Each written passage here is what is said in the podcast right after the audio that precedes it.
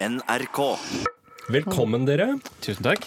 Rune Norum, Anne Lindmo og jeg heter eh, Halvor Haugen og er tilbake fra eh, noen dagers sykeleie, er det det det heter? Jeg syns at vi skal gjøre det såpass høytidelig. Har du ligget på sotteseng? Er vi der? Ja, Nei, det er jo når du er i ferd med å daue, er det ikke det? ja, hva består en sotteseng eh, i? Ja, jeg tror det, jeg tror det er Sottinga, eh, da er det knytta til at du er på vei til å dø, ja.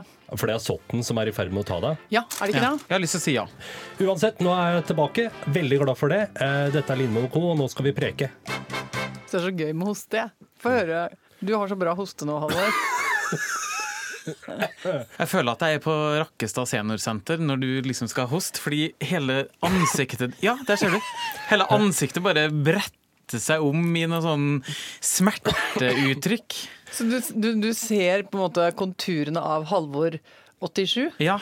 Og vi gleder oss til de eh, åra der, eh, Halvor. Ja, Grunnen til at jeg fortsetter å hoste eh, lenge etter at jeg er ferdig med feber og, og snørr og, og sånt nå, er jo, tror jeg, fordi jeg slutta å røke eh, for noen år siden. Ok, Dette syns jeg, synes jeg er medisinsk kjempeinteressant teori du har her. Og brannfakkel, brannfakkel. Hva er det du sier at den gangen du sveia av absolutt alle flimmerhåra dine ved å inhalere mm, nikotine nikotin og tjære på daglig basis, da var du bedre rusta eh, for rehabilitering? Hosta ikke i det hele tatt da jeg røka, for da la alt uh, gufs seg, bare la seg inn i kroppen og forsvant. Nå har jeg en kropp som sier ifra, og det liker jeg dårlig. Ok, så du, ja nettopp, for at nå har du et slags forsvarsverk nedi der, som ja. driver og jobber med å hoste opp gugget. Ja. Mens før bare magasinerte du gugget. Ja, jeg tror det. Og, mm, ja. Jeg har jo ikke gått skolene eh, når det gjelder medisin, så dette er jeg jo ikke 100% sikker på, men jeg er ganske sikker på at jeg har rett. Men kan jeg bare si at jeg savner eh, røykhosten? Altså som lydeffekt i samtida. For den fantes jo i mye mer utstrakt eh, grad i gamle dager. Ja. Da kunne du da kunne du liksom eh, sitte ved siden av en gammel cal på bussen, eller eh, ikke sant, passere noen på, på fortauet, og så kom den, den derre grunnleggende hoste opp lunga. Eh, eh, voldsomme, hvor kroppen bøyer seg, krampa tar, Ja. hele legemet vibrerer. Og du får den derre hvor Hele ansiktet blir en slags sånn trakt. Hvor, og, ikke sant? De finnes jo ikke lenger, fordi det er så få igjen. Ja. Og, og jeg må si at hver gang jeg eh, kan, kan få liksom, et lite glimt av det, så blir jeg rett og slett glad. Det er nostalgisk for meg. På samme måten som det kan være koselig å se en gammel folkevogn. Ikke sant? Ja. Og jeg må si at eh, den, eh, den, de hostekulene som har gjort mest inntrykk på meg gjennom hele mitt liv, det er noen som jeg har observert utenfor et sykehus.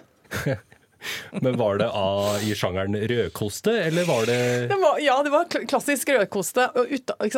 Utafor inngangen på det her sykehuset så var det, altså, det var fortsatt sånn det var sånn røykeplass hvor det var lov å røyke liksom, ikke så langt fra inngangen. da. Ja. Og det, det å se da folk som hadde stabba seg ut der med sånn, med sånn drypp um, pose med intravenøsnæring og liksom med sykehuskjortelen på litt sånn siderumpa seggebukse bak og, og liksom noen glatte tøfler og sånn, og så fått stabba seg ut der. Og så sto liksom og nøt morgenrøken i grell eh, marssol. Med liksom sykehustrynet. Og, og så tenkte jeg sånn, det er jo på en måte kanskje tragisk, men også en sånn ekstrem livsbejaelse. Altså det er å trosse absolutt alt. Gi seg hen til sitt begjær. Stå på til siste slutt. Stå på til siste slutt og liksom fyre nikotinpinnen. Liksom mens resten av legemet bare kollapser. Nå måtte jeg hoste, men det var helt annen grunn. Fordi at eh, jeg- eh, jeg hoster som regel fordi jeg setter mat i halsen. Det er, det er, det er, veldig, er veldig sjelden sykdomsindusert hosting. Jeg har, jeg har eh, mesteparten av mine Mekanisk. mekanisk hosteskader. Det er fordi jeg stapper i for mye i brødhølet og, og blir for grådig i matfatet. Og, og, og, og ting havner feil. Så der har dere meg. Tusen takk. Vær så god. Uh, Altså, jeg observerer jo her fra sidelinja at eh, du har en liten papptallerken med to eh, kakestykker. jeg vil nærmest si at det er helt umulig for meg å si nei til kake. det er en av de tingene uh, der jeg har lavest forsvarsmekanisme. Det er bakst. Så hvis du sier nei til kake, så sier du på en måte samtidig nei til sjølve livet? Ja, da fornekter jeg meg sjøl. Ja. For eksempel, det har jeg tenkt på nå i det siste, at det er noen setninger jeg aldri har sagt og aldri kommer til å si. Eh, Det er f.eks. følgende setning. Vet du hva, da var jeg så stressa at jeg glemte å spise. det, det, det, har aldri, det har aldri skjedd. Eller at jeg, da var jeg så ulykkelig at jeg mistet matlysten. Eh, det er altså to eh, Der er det to ting. Er, er det fordi du ikke mister matlysta av å være ulykkelig, eller er det fordi du aldri er ulykkelig? Det er på en måte litt begge deler. Ja. Altså, litt begge deler. Veldig sjelden ulykkelig og har aldri mista matlysta. Og i min ungdom så tenkte jeg at for da kunne det jo på en måte være en ting som jeg observerte at andre hadde i livet sitt. da. Mm. Eh, og jeg ble sånn litt interessert i det. Sånn, altså, for jeg tenkte at hvis, man blir kanskje litt mer interessant hvis man er ulykkelig. Og så var jeg også interessert i vekttapsdelen av den prosessen, som, jeg, som jeg lurte på om det gikk an å utforske. Jeg klarte det aldri. Nei, Du har aldri prøvd å framprovosere eh, livskrisa eller motstand for å potensielt gå ned i vekt? Nei, har ikke lykkes med det. Eh, Jeg flyter, eh, flyter opp se, som en eh, pingpongball i vann. Altså, Altså, Jeg er spisefølelsene mine, så jeg har heller aldri klart å gå ned som følge av noe motstand i livet. ikke sant? Nei. Det er faktisk en av de få typene butikker hvor jeg kan bli stående litt sånn eh, og, og gå meg litt fast. Konditori? Kakebutikk, ja. Jeg er veldig interessert i det. Ofte når jeg reiser i utlandet, så er jeg veldig lite interessert i shopping. Men en god kakebutikk, der kan jeg bli lenge og kan ende opp med å kjøpe altfor mye. Men eh, d- som kakebutikkturist så kan jeg jo da anbefale eh, Du trenger ikke å dra lenger enn til byens mange eh, tyrkiske kakebutikker, f.eks. For eksempel. Fordi der åpner det seg en ny verden. Eh, Du skjønner jo selvfølgelig at det er kake og sukker og alt er deilig, men du har ikke den der automatiske gjenkjennelsen. Så det blir som å gå på en slags eh, på, Jeg mener det her i aller beste forstand, en, som en slags safari. da. Ja, Eh, Oppdagelsesferd i eh, tyrkisk bakverk. Jeg har prøvd. Ja. Ja, altså, ja, men det tror jeg ikke var Tyrkia, jeg tror det var pakistansk bakeri. ja. Eh, for der kan du også gå inn, og du kjenner ikke igjen noen ting. Altså, eh, jeg er jo, eh, kan jo mine småkaker eh, innenfor den liksom, norske tradisjonsbakingen. Der er jeg, jeg kan jo spotte en Goro på 300 meter, ikke sant? Men, men når jeg kommer inn i, i den eh, pakistanske kakebutikken, så er, for det første er jo fargene helt annerledes. Det er mye rosa, det er Ja, grønn, det er, det er, det er helt elleve neonfarga kaker. Det er mye rart eh, som er uh, laga som små baller som er rulla i kokos eller smuler eller sånne ting. Og em, ja, har vært inne en gang og sagt jeg skal ha en av hver. Det, det var ikke lurt. Og da, faktisk, det er den eneste gangen jeg har brutt sammen. Og I, i og kakesorg? Og måtte gi opp et kakeprosjekt. Ja. Eh, fordi da måtte jeg faktisk kaste inn håndkleet. Altså. Altså, det ble- det- og det er den eneste gangen jeg har sagt setningen 'dette ble for søtt'. Når du kommer inn på kontoret på morgenen, eh, Anne, Ja. så pleier du alltid komme inn som en eh, virvelvind og eh, gir energi til rommet med en gang. Det skal du ha. Tusen takk for det. Eller er det det? Eller er det litt slitt? Noen ganger så virker det som dere skvetter ganske mye. Ja, vi skvetter litt, men ja, det er men bra det er, som for en, oss. um, det er som en menneskelig espresso. Altså, det, boom, så er vi i gang med dagen. Jeg elsker det. Ja, men så bra. Så det er veldig bra. Jeg vil bare uh, skyte inn en liten betraktning der. Og det er at uh, det gjorde du i dag også. Mm. Ja. Kom inn som en virvelvind. Men i dag så var det en eller annen tilleggsfølelse der. Kanskje av litt lett eh, aggresjon i tillegg. Ja, det i dag der har du det, Og det er godt observert! Eller Ja. det var kanskje ikke så vanskelig heller. Det Var ikke så hemmelig, Nei, kanskje. det var på en måte tydelig som en tåkelur. Ja. Eh, ja, det var helt riktig. Hva er det som har ramma deg? Eh, Det er en blanding av eh, rett og slett det jeg kaller kosmisk aggresjon og selvhat. Ok. Det er sterke Og, jo, og det er den følelsen av at du, når du i løpet av la oss si i løpet av faktisk tolv timer, så har hele livet, hele tilværelsen, vært som en sånn sakte utforkjøring. Ikke sant? Hvor det bare, det, ting bare går litt mer skeis hele tiden. Eh, og man spøler og manøvrerer for å forsøke å sørge for at ikke det skjer, men så skjer det allikevel. Til slutt så er det bare en eh, kollaps eh, som ender i sånn at, man, at det koker på innsiden. Du har terpentin i alle blodårene. Det svettes ut av absolutt alle porer på en gang, og man må bare brøle. Og det er altså en, en ordliste der som aldri på noe vis må komme på trykk. Hvor starta denne nedturen eh, i løpet av de siste tolv timene, Ane? Den er knytta til nedbør. Fordi jeg er jo Jeg har kommet eh, dit, jeg analyserer meg selv, at jeg er et menneske som elsker snø når den faller på fjell og, og li, hvor den hører hjemme. Og så er jeg eh, Jeg hater og fornekter at snøen fins i tettbygd strøk. Og så, så i går da, så hadde jeg tatt ut bilen vår, og den er en, eh, for så vidt en pen og pyntelig bil, men den har ikke firehjulstrekk. Og så kjører jeg den hjemover har allerede litt dårlig tid. Veldig mye som skal skje på ettermiddagen. Jeg durer av gårde, snakker med Hasse på telefonen samtidig, og så sier han sånn Ja, men du, da snakkes vi senere, men pass på nå da at ikke du prøver på å kjøre opp innkjørselen, for det er så mye masse løssnø og, og, og glatt under der, så du må, du må bare ikke gjøre det, for da kommer du til å skli bakover og bli stående på skrå. Greit, sier jeg, legger på telefonen, og i det samme sekund så er jeg kommet til oppkjørselen vår, så tenker jeg det skal jaggu gå! Det må jo være mulig! Fordi jeg hater å rygge! Jeg er så dårlig til å rygge! Og det, har- kapsla seg inn som en veldig vond ting for meg at jeg er dårlig til å rygge. For jeg aksepterer ikke at jeg er dårlig til å rygge, for jeg, jeg hater alltid at jeg er dame som ikke kan rygge. Og Hasse er bortreist. Og så tenker jeg nei, jeg kommer ikke til å klare det der run, for da må du rygge sånn raskt opp bakover. Da kan du få den opp. Jeg prøver å få den opp framlengs. Hva skjer? Jo, oraklet Hasse har jo helt rett. Jeg kommer opp to tredjedeler av den lille oppkjørselen. Der er det gjerde på den ene siden og granittmur på den andre siden. Og så begynner dette makkverket av et motorisert kjøretøy å skli bakover. Så står det godt på tvers. På skrå, sånn at det er to centimeter igjen eh, fra forskjermen til granitten, og to centimeter igjen fra bakskjermen til det gjerdet. Skjønner du? Ja, ja. Herregud, nå blir jeg sinna bare jeg snakker om det. Og så må jeg da først ringe inn til sønnen min, og han hører Eivind hører når mamma har eh, Når det fyrer litt mye, så jeg sier 'Eivind, kom ut'. Han bare dung! Da står det to sekunder etterpå står han klar. Han vet hva det er. Da gjelder det. Og så eh, forsøker han å hjelpe meg med å dytte grus under bilen. Og, og så blir det bare tull. Selvfølgelig bare polerer den isen. Så da blir nederlaget enda sterkere. Jeg må ringe naboen min Wolfgang. Det er så ydmykende. Hva gjør da Wolfgang når han kommer Wolf, til ja, åstedet? Wolfgang han er en bilmann og skjønner seg på, på, på dumme biler som ikke har firehjulstrekk. Så han kommer, gjør noen ting, lurer, ordner, fikser, putter under enda mer grus. Er bare hakket mer sånn mekanisk intelligent da, på, på å snu hjulet. Alt det der som jeg hater at jeg ikke får til. Og så, så klarer vi å få spinne i den sånn at den står rett. Jeg er så duknakket og stusslig når jeg er ferdig med det greiene der, at eh, det er egentlig ikke noe håp. Og så har jeg kjempelavt blodsukker og er sulten. Det er jo ikke noe ideal eh, for meg å være i. Så da er det inn, og så inhalerte jeg to karbonader kaldt. Altså to kalde karbonader. Det er også en fornærmelse av et måltid. Og så krones denne kvelden, kan jeg fortelle om det? ja. krones med at jeg kommer ned i kjelleren, og da har det vært en eller annen gnager og spist opp noen juleservietter og noe julelys. Ikke sant? Så da har jeg skadedyr i huset. Å nei. Oh. Vi bor i et gammelt hus, og det er for så vidt greit, men akkurat der og da så ble det for mye for meg. Og så henter jeg støvsugeren og får på den, og hva skjer med den? Da begynner den å høres ut som den har fått kikhoste. Og plutselig så er det, høres ut som det er noe løst inni den, og plutselig så begynner det å gå varmt. Og det seriøst kommer liksom, det begynner å lukte og Det kommer liksom flammer ut av støvsugeren. Så jeg må å, skru av den, da! Og så da, Ja, tusen takk, så er den ødelagt.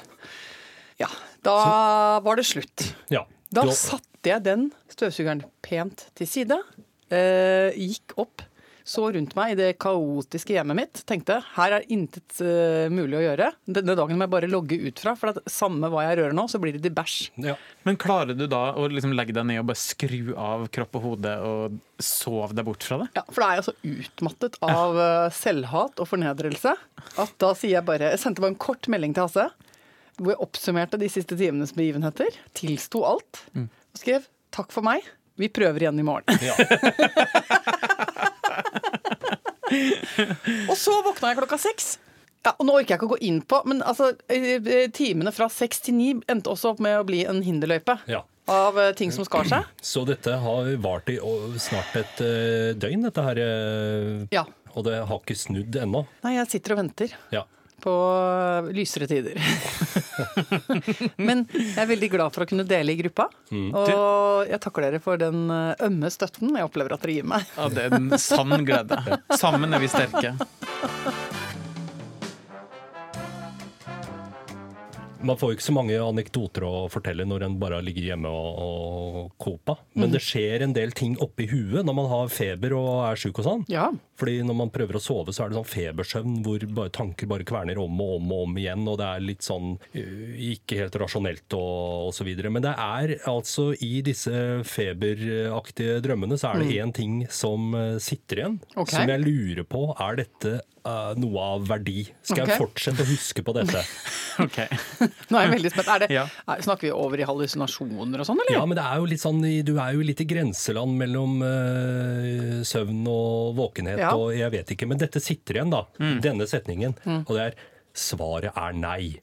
Den, jeg tror jeg Og jeg skal forklare litt mer. Den, Ja, den kverna om og om og om igjen. Svaret er nei. Og jeg tror etter hvert i disse halvveis feberfantasiene så vokste det fram et lite foredrag på en eller annen måte. Altså, vil du komme deg ut uh, av din daglige uh, tralt og Ja. møte nye og spennende mennesker? Svaret er nei. Vil du finne en bedre livsstil og en sunnere måte å leve på? Svaret er nei. Dette her kverna. Dette kverna om og om igjen. Vil du bli en bedre versjon av deg selv? Svaret er nei. Det er et eller annet, vet du det er veldig deilig. Det er en veldig god setning. Den er, den er som et den kan, den, Det kan bli et mantra. Man, bare, man må chante det masse, masse, masse. Svaret er nei. Ja, men da skal jeg fortsette å kverne litt på Ja. dette, da. Ja, og så se om jeg kan bygge dette ut til å, Ja. å bli en eh, Jeg tror det kan bli Altså, jeg tenker, eh, jeg, jeg tenker eh, det kan fort bli en folkebevegelse. Ja, ja, ja. ja. Jeg tenker også temalåt. Funker bra på T-skjorter òg, tenker Ja. jeg. Svaret er nei. Åh. Eh, eller sånne, har du oppdaga nye sider ved deg sjøl i det siste? Uh, in, ja Jeg har ikke kanskje opp... Men vet du hva? Jeg har fått en ny kjepphest. Oi! Ja, og det syns jeg er så deilig å få. Eh, det, det er så godt å ha. Hvilken del av livet er vi inne på da? Eh, Jeg har funnet en, rett og slett en ordentlig kjepphest som jeg skal ri nå herfra og inn i døden. Og det er eh, Ja da, den, eh, dette er en solid gamp som skal få kjørt seg. Og den kjepphesten heter eh, Hudpleieprodukter er eh, vrøvl som det er helt unødvendig uh, å betale så mye penger for når det fins i nærbutikken alt man trenger til å smøre på fjes og i hår. Ja, hva, Eh, hva slags ting eh, i nærbutikken da? ja, nå skal dere høre. Jeg er veldig glad du spør. For Ja. dette, nå kjører jeg på. Eh, Jeg, nå er jeg så lei av å gå i sånne parfymerier og apoteker og kjøpe mm. kjøpe krukker med uh, liksom, ting som skal uh, gjøre så voldsomme ting med, med trynet mitt. Eh, bå- det er delvis fordi at det koster 7800 kroner literen. Eh, og delvis fordi jeg bor sammen med mennesker som ikke tar eh, fem øre for å komme inn, skru av uh, lokket på den krukka, stappe en svær, møkkete pekefinger ned i og bare klaske i fjes. Ja. Ikke sant? Så jeg får jo ikke ha det i fred heller. Så da blir man jo irritert. Og så har jeg tenkt nei, men i all verden da, gitt. Og så leste jeg en artikkel om at um, i Midtøsten så bruker stort sett kvinner uh, mandelolje på huden sin. Det er universalmiddel. Det bruker de overalt. Så da gikk jeg opp til den tyrkiske kjøpmannen, eh, som jeg har et meget godt forhold til. Så sa jeg har du mandelolje? Ja, sier han. I de tre størrelser. Så da kjøpte jeg magnumflaska. Altså, jeg kjøpte rett slett en, en liter med mandelolje. Eh, og så kokosolje, samme, i håret. Genialt. Kjøre på med det. Det er altså utbredt som et eh, skjønnhetsmiddel, i, altså som et hårpleieprodukt. Ja, ja. I, i, eh, langt tilbake i tid og mange steder på kloden. Så da bruker vi det. Og så har jeg trumfa med et, et triks som jeg har lært av mora mi. Fordi at mamma er jo nå snart 80 år, og hun er ekstremt sprek. Jeg tror det bare er tre år siden vi slutta å slå hjul. På, vi hadde det som en tradisjon eh, når vi var sammen på sommerfest, at vi slo hjul. Nå har hun slutta med det. Men eh, bortsett fra det, så er hun sprek som en gyngehest, som det heter. Og en av de tingene hun gjør, er at hun spiser gelatinpulver. Eh, Du vet, sånn som du bruker bruker ja, sånn, gelépulver? sånn, sånn som du bruker til å lage når du skal lage aspik. Det er jo ikke Ja. så mange som lager det lenger, men Eller når du skal få ting til å stivne, da. Ja, ja. Så er jo det rett og slett et pulver som også finnes i sånne plater. Ja. Ja, um, Gelatinplater. Jeg kjøper pulver, og så spiser jeg det. Men hva gjør det med kroppen? Det eh, jeg velger å tro eh, at det hjelper på alt som er sener og ligamenter og, og, og alle ting som skal være elastisk i kroppen, blir bedre av dette. For det er kollagen i det. Det, er veldig mye. Det, er sånn, det, er, det der er eh, beinmarg. Jeg skulle til å si, Er det ikke kverna liksom, Jo, jo, jo. jo det er, nei da, det er ikke kverna dyreskrotter. Det er jo edle ting. Det er jo eh, rett og slett eh, Ja, det er marg. Ja. Eh, Så nei, altså, jeg har nå, nå har jeg funnet ut at eh, herfra og ut så skal dosetten bare fylles opp på nærbutikken.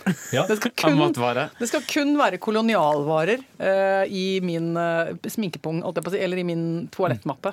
ja, men det har jo noe for seg. For Jeg tror jeg har lest et eller annet sted om at i Asia så er de veldig på å ta kollagenerstatning. Hva tenker du om det? Ville du vært villig til å teste uh, gelatinpulver i noen ukers tid og se om ligamentene, senene og huden ble bedre av det? Svaret er nei.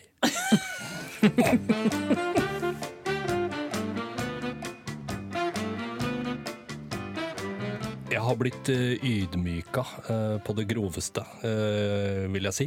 Hva, hva, er det som har skjedd? Er det... skjedde noe her om dagen ja. som jeg faktisk ikke helt har kommet meg over. Jeg var på en uh, sjelden uh, bytur. Jeg ja. dro hjem uh, tidlig, men hva, hva, snakker vi tidlig? På hvilken side av midnatt, liksom? På den kristne sida av midnatt. jeg skjønner. Ja, ikke, ikke, ikke, over det tidspunktet hvor Gammel-Erik kommer ut i gatene nei, nei, og, dette, dette. og rakkeren er ute. Klokka var kanskje sånn halv tolv på kvelden. eller noe sånt. Jeg hadde vært på en liten forestilling. Mm. Og så skal jeg ta trikken hjem, og mm. da er jo den eh, stappa full. Litt tidligere på kvelden så hadde jeg spist vietnamesisk mat med veldig mye sånn eh, fiskesaus, uh, vet du. Ja. Det hadde jeg ikke tenkt noe mer på før han kjekkasen av en sånn BI-aktig type stopper meg midt i en setning og sier hold kjeft eller ta deg en tyggis, og får da alle, uh, hele sitt antorasj til å liksom le av ja. denne gamle mannen med Oi. dårlig ånde. Ja. Hva eh, gjorde du? Tok du tilbaketrekning, eller tok du konfrontasjon? Full uh, tilbaketrekning. Dere har sikkert sett sånne dyredokumentarer hvor den eldre hannen uh, blir banka opp av en ung ny alfahann. Ja, og må gå i skogen for å dø? Han går jo i skogen for å dø, og det var det jeg mentalt sett gjorde på den trikken. nei, nei, nei. Jeg, jeg slo blikket ned og sa ikke noe mer på hele trikketuren. Men er dere gode på å komme på sånne ting man bør si der og da, som avvæpner en situasjon? Nei. Eller sånt? Nei. Overhodet ikke. Veldig dårlig på det. Eh, jeg er veldig dårlig på det. Eh, og jeg kan også gå kverne i Jeg tror jeg har en eh, rekord der på tolv og et halvt år. har du kommet på det ennå? På, på, å gå kverne på hva jeg burde ha sagt, ja. Hva var situasjonen? Nei, Den er så grov at ja. den kan jeg ikke ta. Men, men, jeg har en annen som er et eksempel på elendig respons. det var nemlig den eneste gangen jeg ble utsatt for en blotter. Mm. Det var nemlig på Sognsvann i Oslo. Jeg lurer veldig på hva comebacket ditt var, men det kommer jo til. Ja, nei, altså Det er jo ikke et bra comeback i det hele tatt. Det er, eh, nei, nettopp det. Det er, det er eksempel på manglende comeback. Okay. Eh, og, og uh, dette var jo en tid Kanskje vi skal forklare for en del lyttere hva blotter er? nei, det, det, vet da folk. Nei, men altså, det, er, det er nesten slutt på det. De fins ikke lenger. fordi at nå kan, De har gått i skjul på internett? Ja, de som har sånne tilbøyeligheter, de trenger ikke å være ute i skogen lenger. De driver bare rundt på, på nettet. Men i gamle dager så var det en del menn, det var jo bare menn, som hadde det som en liten hobby eller som en liten virksomhet i livet sitt, å gå rundt og raskt viser han tissen. Ja. Uh, ja. Og så trakk de seg i, veldig ofte til, eller 99 av 100 ganger så trakk de seg bare tilbake. De hadde ikke noe behov for noe mer enn å rasle litt med sabelen. Og så var de ferdig med det. og, og, på Sognsvann utenfor Oslo der er det en sti rundt, og der var det rett og slett litt sånn kjent at det var en del uh, blottere. Så jeg var ute og gikk der. Og da dette her var en joggeblotter, eh, viste det seg. Så jeg var ute og gikk, han jogget forbi meg, og så uh, stoppet han opp på en sånn liten bro hvor han sto og tøyde. Og da hadde han satt den ene foten opp på uh, rekkverket, og mm. da uh, stakk deler av hans uh, organ ut under shortsstrikken. Og jeg tenkte det var litt flaut for deg at den stakk ut der, ja. men sånn er det når man løper. Og jeg vandret bare greit videre og tenkte Det var litt liksom, stusslig for han, han oppdager det, da, at ja, ja. den hang der, liksom, uten at han ville det. Så løper han forbi meg en gang til, og så gjentar han da um, stoppemanøveren bare at da er det rundt en sving. Og så kommer jeg da rundt svingen. Da står han midt i stien. Og da har han bare dratt ned buksa. Ja. Ja. Og står og viser fram eh, det flotteste han har. Mm. Um, og jeg kjenner dette er midt i skogen, det er ganske langt fra folk. Føltes jo, Kjente noe på noen impulser av um, litt redsel kanskje også. Uh, gikk innom en sving der med litt aggresjon og raseri. Alt dette i løpet av to sekunder, liksom. Og så ender jeg opp med å si oi, det var da merkelig. er ikke det elendig? Ja, men, men, hva eh, kunne oss, du ha sagt, da? Ja, for La oss da gå inn i terapien. Jo. Hvis du skulle gjort det igjen, hadde muligheten til det på ja, magisk vis? Ja, men jeg kunne jo si altså, eh, Jeg kunne jo ha selvfølgelig gått rett i ydmykelse og, og skjelt han ut for at uh, han står der og krever oppmerksomhet på en så liten og ubrukelig penis. Hmm. Det ville jo vært en god uh, måte å få tatt høyde i forhold til han, da. Kanskje bare spurt hva klokka er? Ja. Altså At du ikke legger merke til det som skjer? Hei!